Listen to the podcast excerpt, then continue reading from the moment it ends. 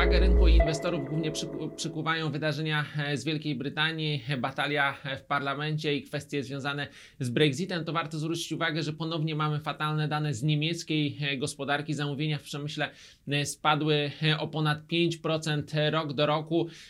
To już mamy ponad roczną serię spadków tego wskaźnika w ujęciu rok do roku. Zobaczymy, jak jutro będzie wyglądać produkcja przemysłowa z Niemiec. Natomiast widać, że cały czas ta sytuacja niemieckiego przemysłu jest bardzo, bardzo e, słaba. Wracając do kwestii brytyjskich, e, ponownie można powiedzieć, że e, premier Johnson został upokorzony e, zarówno w kwestii e, przyjęcia ustawy odkładającej Brexit, jak i braku poparcia do rozwiązania parlamentu do wcześniejszych wyborów. Teraz trochę opozycja narzuca rytm działania parlamentu, natomiast to wcale nie oznacza, że jesteśmy za, że problemy związane z Brexitem są za nami. Wręcz przeciwnie, te problemy mogą się kumulować, dlatego e, że społeczeństwo ogólnie jednak e, co pokazały chociażby e, wybory do Parlamentu Europejskiego,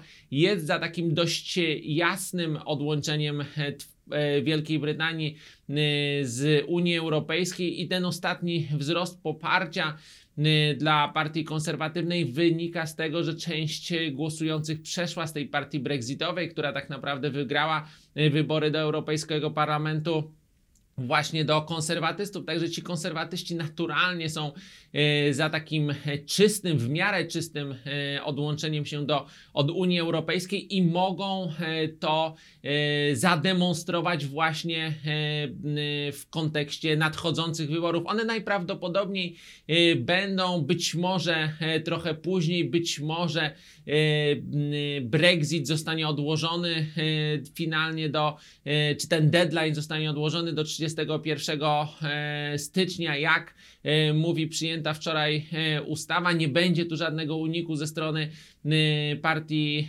rządzącej, natomiast to tylko można powiedzieć jest odkładanie wyroku, wyroku, z którym Wielka Brytania musi się zmierzyć, jak ten Brexit zaadresować i jak zaadresować oczekiwania społeczeństwa. Także cały czas to nastawienie do funta według nas powinno być raczej negatywne niż pozytywne. W kolejnych godzinach zobaczymy natomiast serię danych e, ze Stanów Zjednoczonych, e, przesunięte dane ADP. E, Zobaczymy, jak wypadł rynek pracy w minionym miesiącu. Również mamy ważny odczyt ISM z sektora usług. Czy ten ISM zachowa się podobnie jak ISM e, z przemysłu, czyli zaskoczy negatywnie. To będą ważne informacje dla dolara. Gdybyśmy mieli negatywne zaskoczenie, no to możliwe jest dalsze osłabienie amerykańskiej waluty, aczkolwiek również pogorszenie sentymentu globalnego, więc akurat w kontekście złotego te dwie informacje mogą się znosić.